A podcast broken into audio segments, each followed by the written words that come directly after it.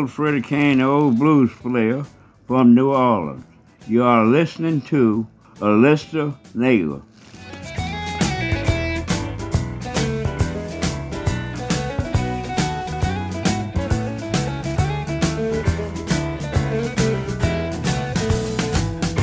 Chegou a hora, abrimos a porta, subimos o pano. É tempo para a música máis honesta que existe en Radio Galega Música, tempo pro blues. Aquí comeza a lista negra.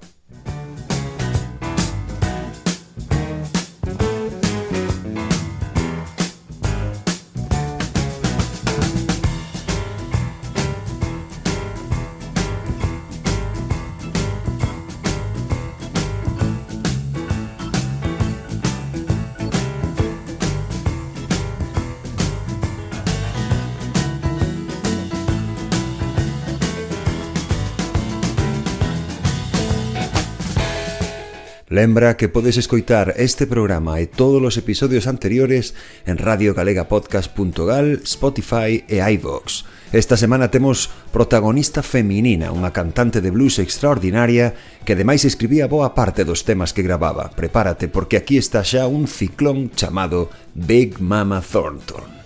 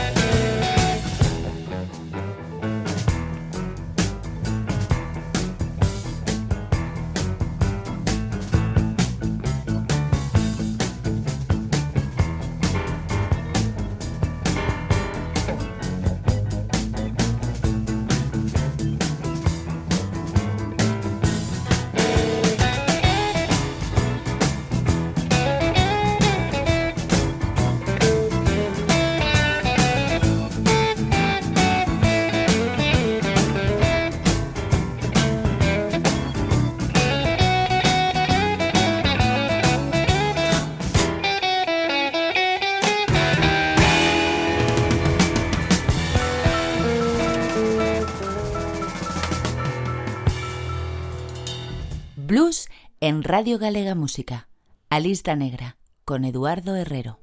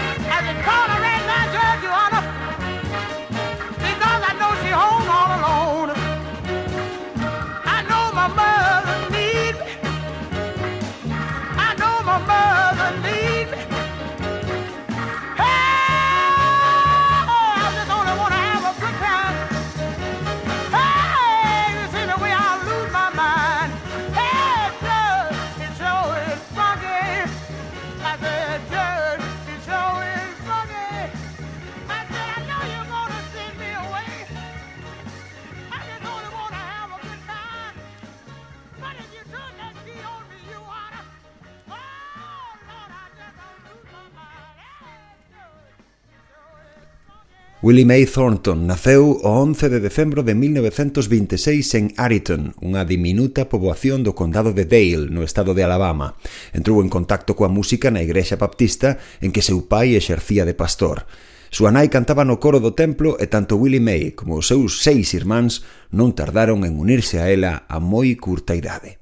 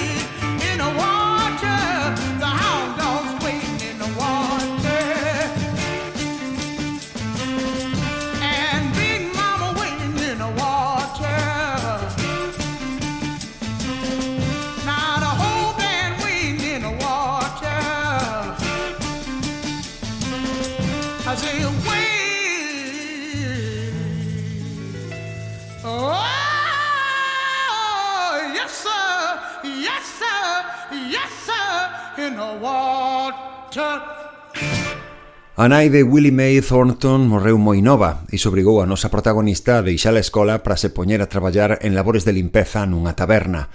Con apenas 14 anos marchou da casa e uniuse a un espectáculo de revista, o Hot Harlem de Sammy Green.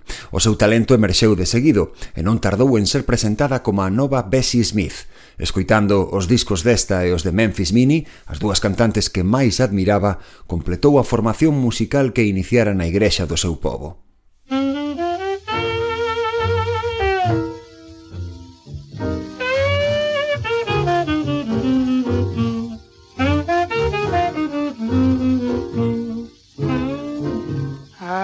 I started running and crying. Lord, what can I do?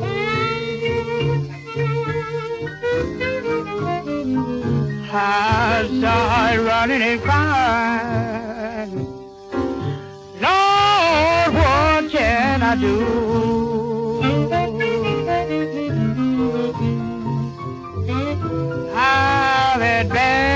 Luck and trouble. And now here come the blues.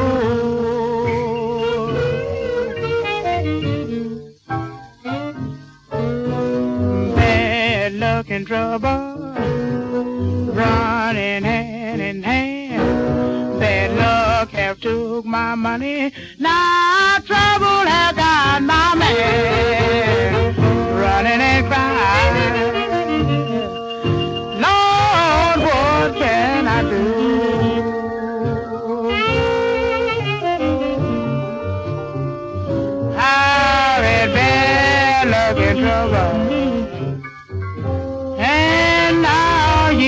on the blue.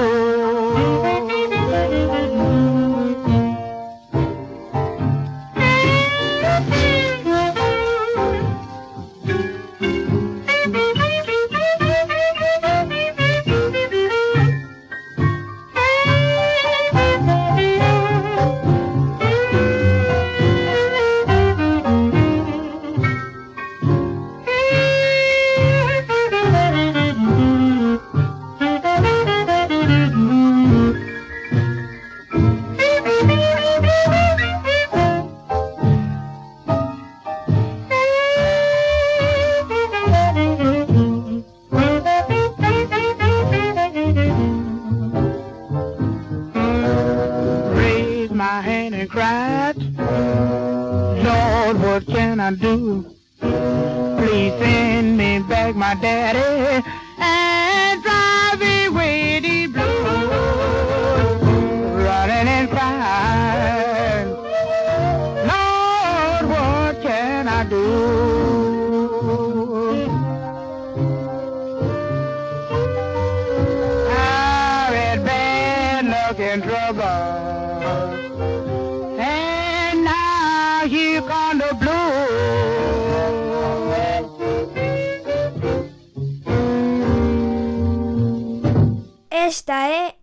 do blues, a lista negra. A carreira de Big Mama Thornton comezou a despegar cando en 1948 decidiu trasladarse a Houston.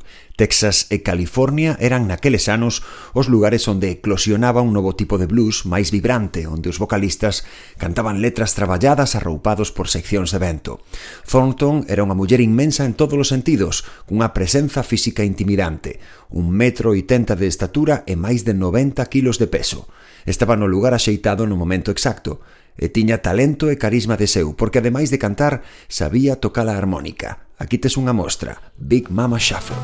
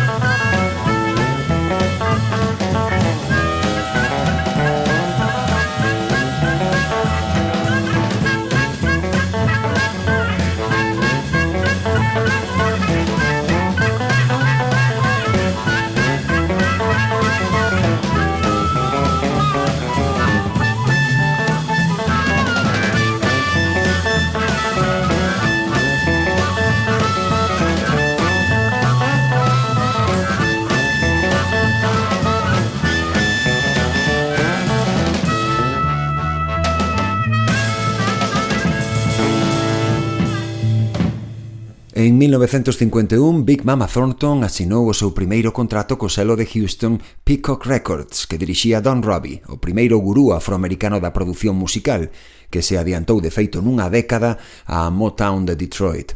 Un ano máis tarde, Thornton estaba actuando no célebre Teatro Apolo do Harlem, en Nova York, Foi o manager daquel local, Frank Schiffman, quen lle chamou Big Mama por primeira vez.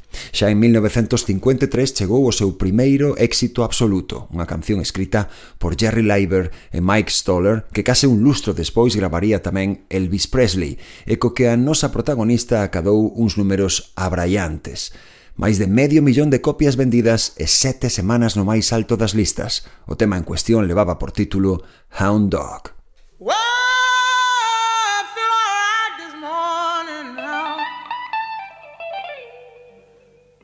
want everybody to know that I was the one to say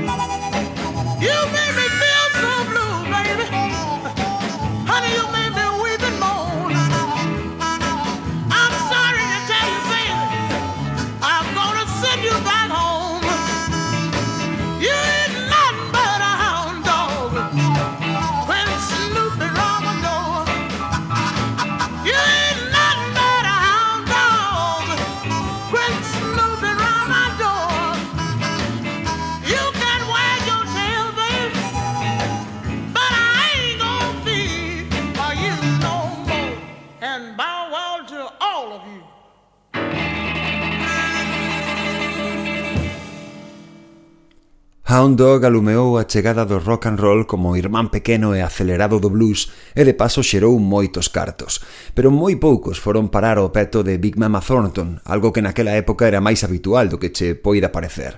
Para sair adiante tivo que seguir traballando arreo, saindo de xira xunto a artistas como a Esther Phillips ou Junior Parker, bello coñecido da lista negra. O día de Nadal de 1954 Thornton foi testemunha dun suceso tráxico. O seu compañeiro de cartel no recital programado no Teatro City Auditorium de Houston, Johnny Ace, perdeu a vida ao se disparar na cabeza accidentalmente cunha pequena pistola do calibre 32 mentre xogaba a ruleta rusa nun descanso entre o seu primeiro pase e o seguinte. Ace tiña tan só 25 anos.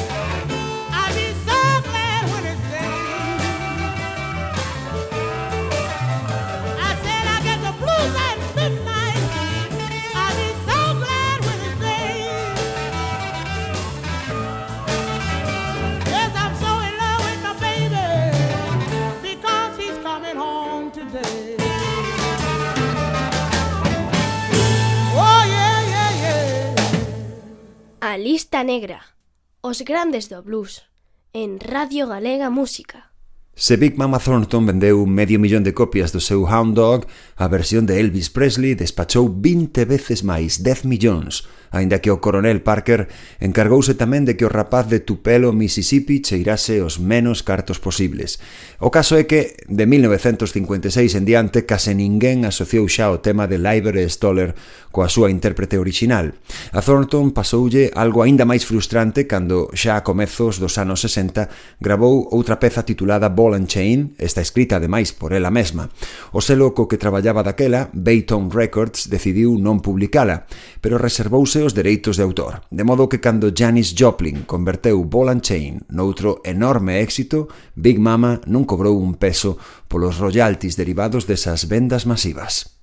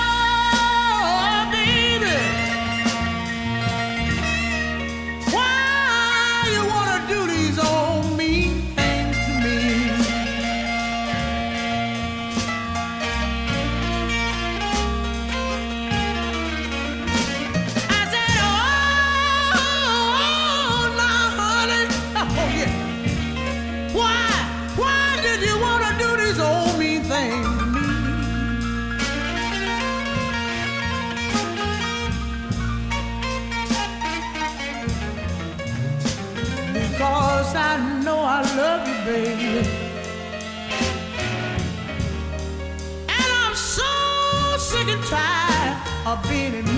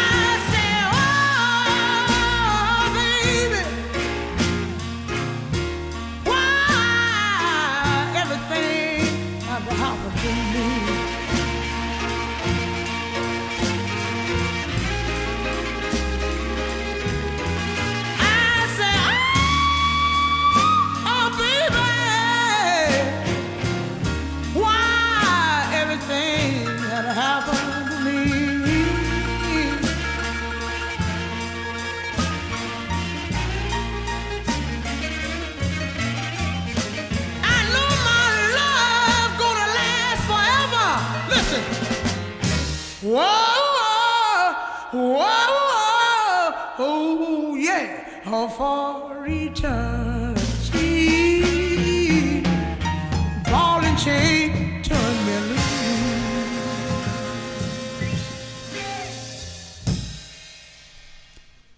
A comezos da década dos 60, Big Mama Thornton deixou Houston para se instalar na área da Bahía de San Francisco, en California. Desde ali percorreu o circuito de clubs desa cidade e tamén o dos Ángeles, mentres gravaba con resultado desigual para distintos selos locais.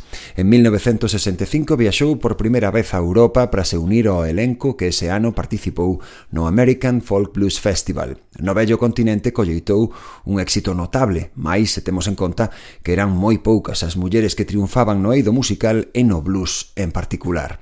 A súa actuación do 20 de outubro en Londres converteuse nun álbum en directo titulado Big Mama Thornton in Europe, editado polo selo R. Hooley.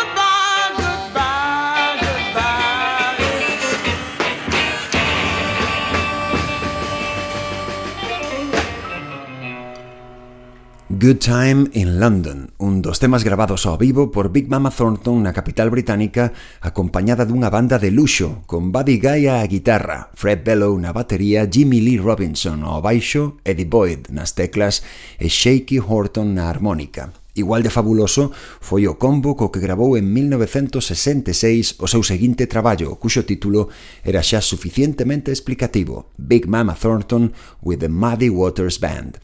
Ademais da gran lenda Nada en Mississippi, que se repartiu as guitarras con Sammy Lowhorn, nos créditos do disco aparecen outros musicazos como o pianista Otis Spann, o harmonicista James Cotton, o baterista Francis Clay ou o baixista Luther Johnson. Thank you.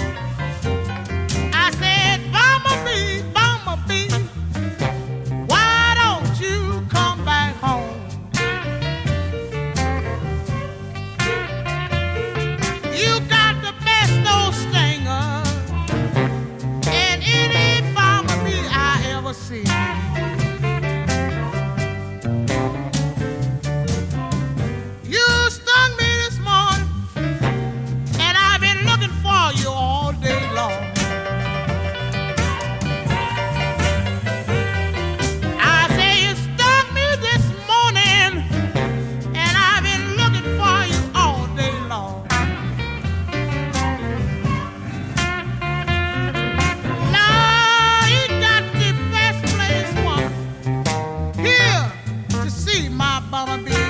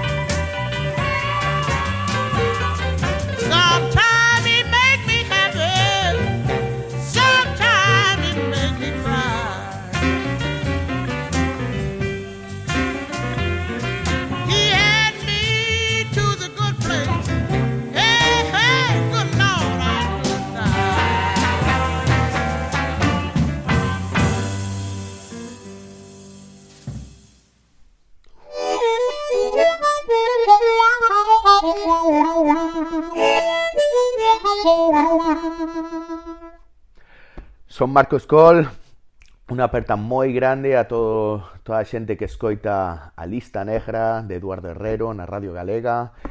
Eh, moito blues. Moito blues. Big Mama Thornton foi unha das grandes protagonistas do Festival de Jazz de Monterrey nas súas edicións de 1966 e de 1968. O ano seguinte volveu cambiar de discográfica e asinou por Mercury Records.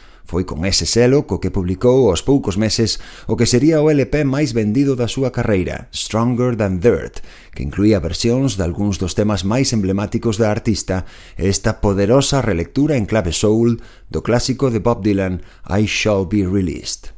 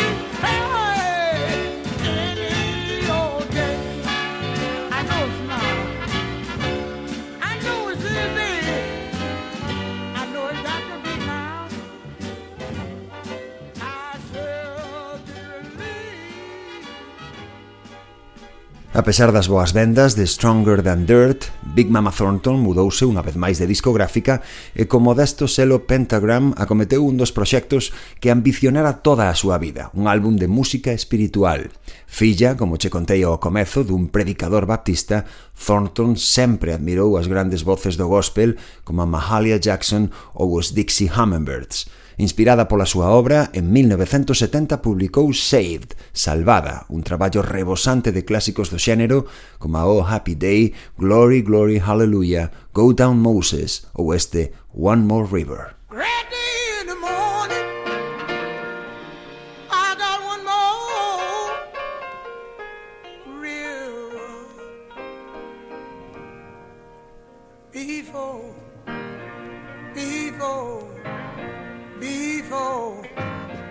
I just reach my journey's end. I got one more little mountain. I got one more.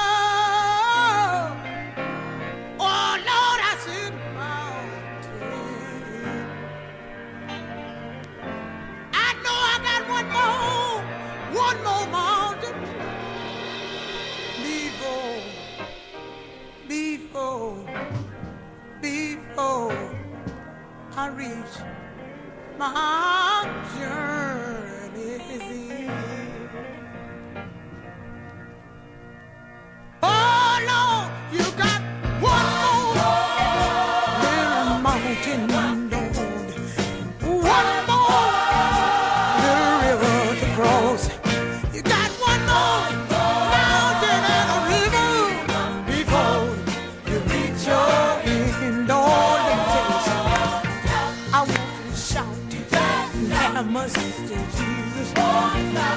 you don't love me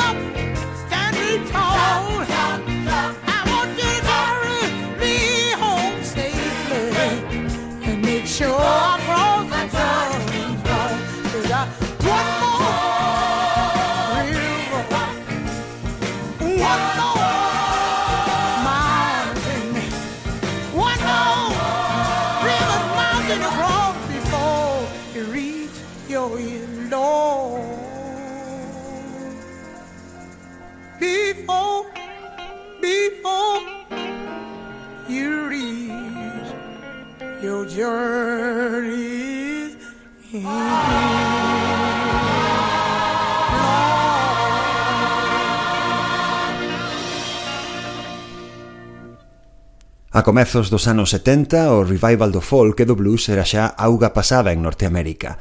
Mentres Big Mama Thornton e os seus contemporáneos volvían tocar en pequenas salas, os mozos que aprenderan deles, moitos deles brancos, enchían grandes pabillóns coas súas versións en clave de blues rock volver de xira a Europa como fixo en 1972 xunto a T-Bone Walker ou Big Joe Williams, entre outros, permitiulle recuperar o bello sabor do éxito, algo do que a partir de entón xa gozou só nas contadas ocasións en que actuou en festivais importantes, como o de Juneteenth en Houston ou o de Newport.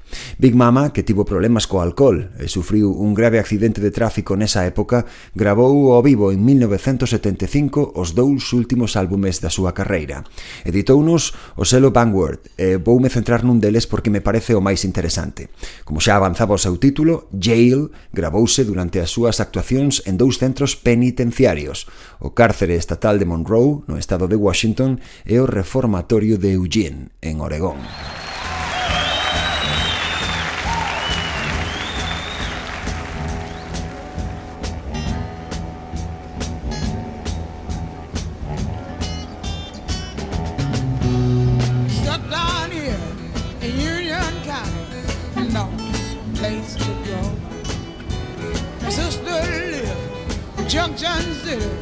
My brother down in Old Monroe.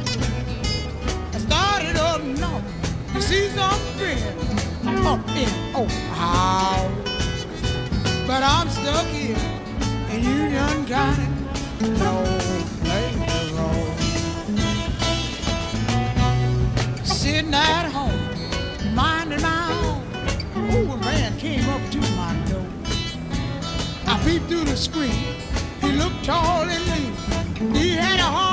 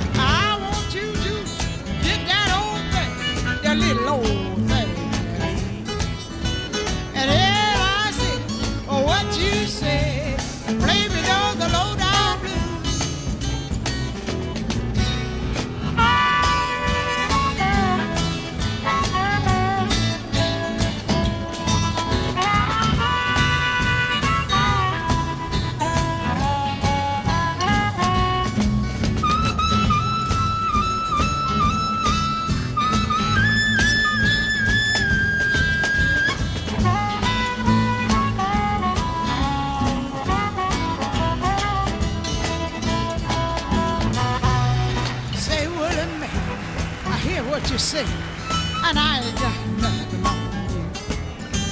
I just stopped by to get a little high to hear you play the low down blues. I just relaxed and got out my the little old thing you need, and that was the night. What a sight! Was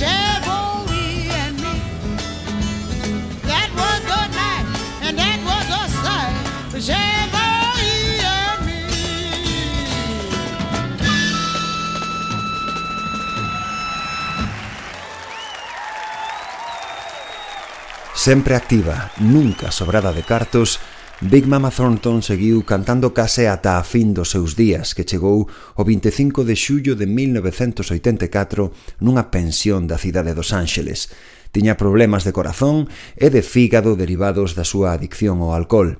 Debido ás súas doenzas, quedara literalmente nos osos. De pesar ata 200 kilos, pasara a pouco máis de 40 Ese mesmo ano, Big Mama entrou a formar parte do Salón da Fama do Blues e desde este momento tamén ocupa un lugar destacado na lista negra. Música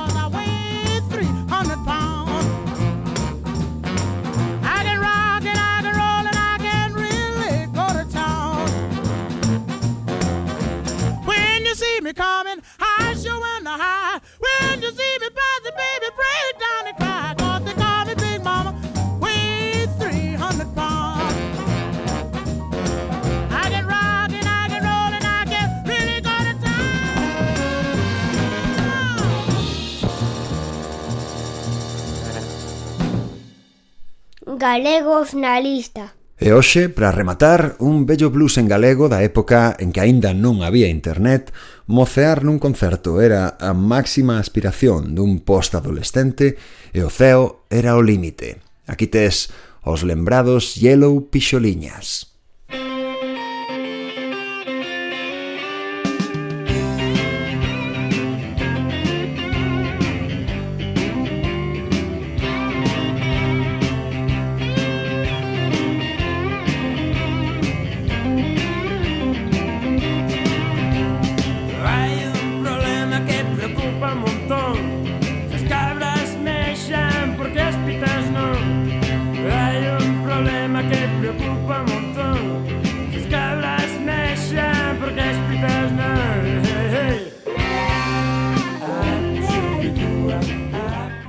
Se as cabras mexan, por que as pitas non? Os monfortinos, Yelo, Pixoliñas, puntais do que deu en chamarse nos primeiros anos 90 o rock bravú.